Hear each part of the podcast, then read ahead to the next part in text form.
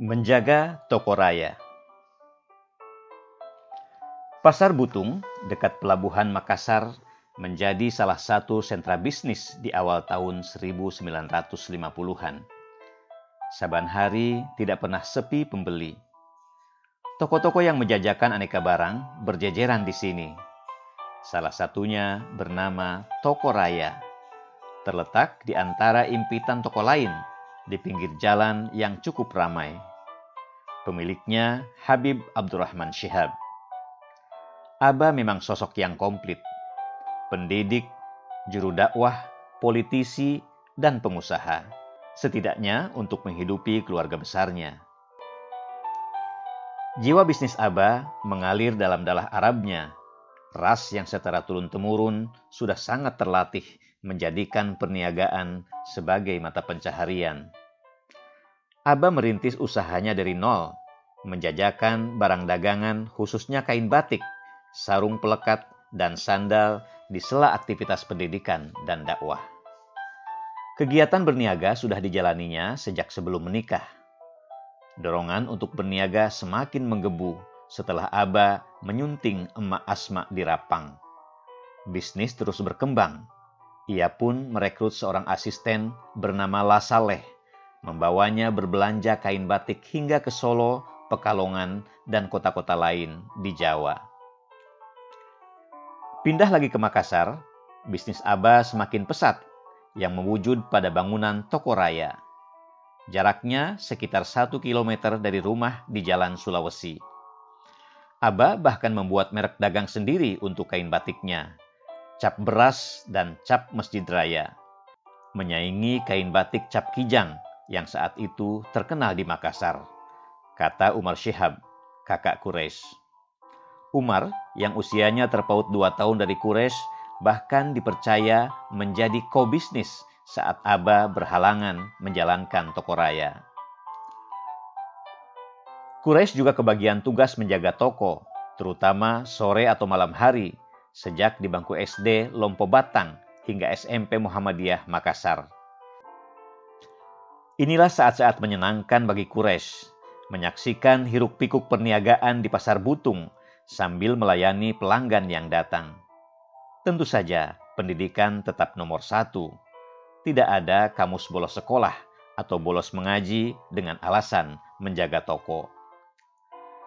Suatu hari, ia menjual barang dagangannya dengan harga yang terlalu mahal. Alasan Quraisy ingin membantu Aba menangguk keuntungan dengan cepat. Tapi Aba marah besar mendengarnya.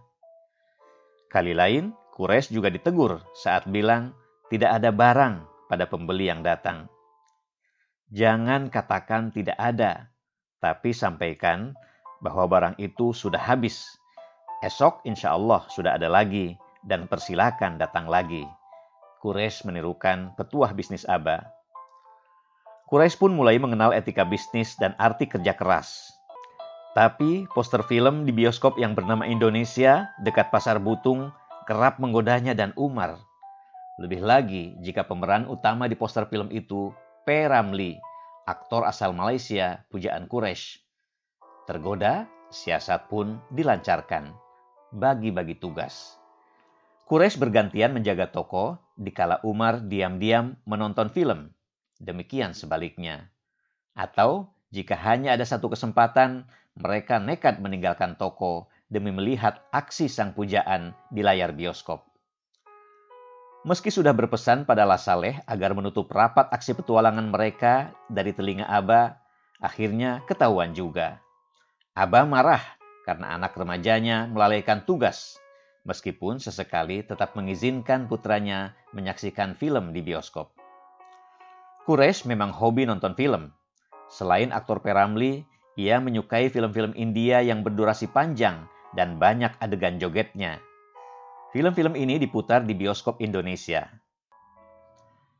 Suatu hari, peristiwa naas menerpa gedung bioskop yang berjarak sekitar 15 menit jalan kaki dari rumah Aba di Jalan Sulawesi.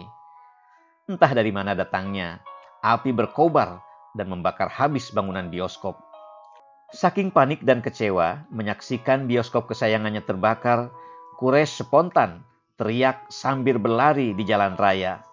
hancur Indonesia, hancur Indonesia.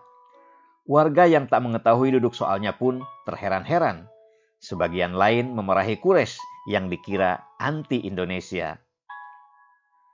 Toko Raya bukan satu-satunya pusat bisnis kain batik Aba.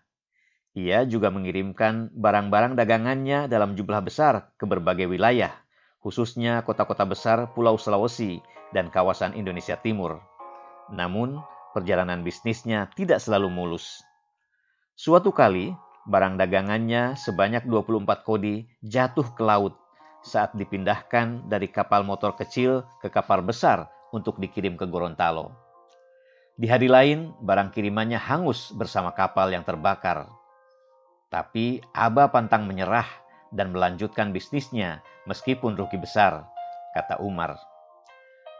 Bisnis Aba baru limbung saat badai besar menerjang, yaitu ketika pemerintahan Presiden Soekarno memotong nilai rupiah yang lebih dikenal dengan kebijakan Senring. Pada 20 Maret 1950, Menteri Keuangan Syafruddin Prawina Negara memotong nilai uang dua setengah rupiah ke atas hingga tinggal setengahnya. Tujuannya untuk menanggulangi defisit anggaran sebesar 5 miliar rupiah. Tapi dampak kebijakan yang dikenal dengan gunting Syafruddin ini justru membuat harga-harga kian meroket. Meski berat, Aba mencoba bertahan. Tentu saja jumlah pembeli yang biasa mengunjungi toko raya semakin berkurang. Di sela aktivitas bisnis yang menurun, konsentrasi Aba mulai tercurah ke masjid raya, tidak jauh dari kediamannya. Aba memang didaulat menjadi ketua takmir masjid terbesar di Makassar saat itu yang turut dibangunnya. Krisis ekonomi tak kunjung reda, malah menjadi-jadi. Agustus tahun 1959, Presiden Soekarno memerintahkan Maladi, Menteri Muda Penerangan, mengumumkan kebijakan Senering kedua. Tidak hanya itu, simpanan giro dan deposito milik masyarakat dibekukan dan diubah menjadi simpanan berjangka. Kekayaan rakyat yang dikumpulkan bertahun-tahun tidak lagi bernilai, ludes dalam sekejap.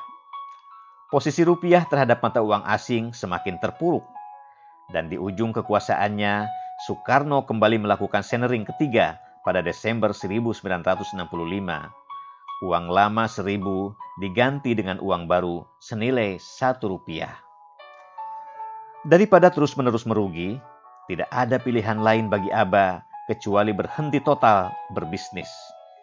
Setelah beberapa tahun tidak aktif di jalur politik, kini ia harus melepaskan aktivitas perniagaan yang selama belasan tahun turut menopang dapur keluarga besarnya. Aba kemudian lebih berkonsentrasi di jalur pendidikan dan dakwah, jalur yang sesungguhnya sudah ditekuni sejak ia remaja. Selain makin intens memimpin kegiatan Masjid Raya, Aba juga mengajar di Universitas Muslimin Indonesia atau UMI Makassar yang didirikannya.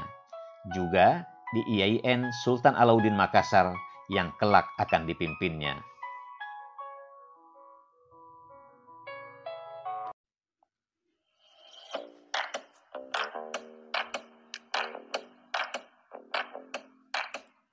Simak terus kisah-kisah unik dan inspiratif dari buku Cahaya Cinta dan Canda Muhammad Quraisy Shihab. Hanya di The Clouds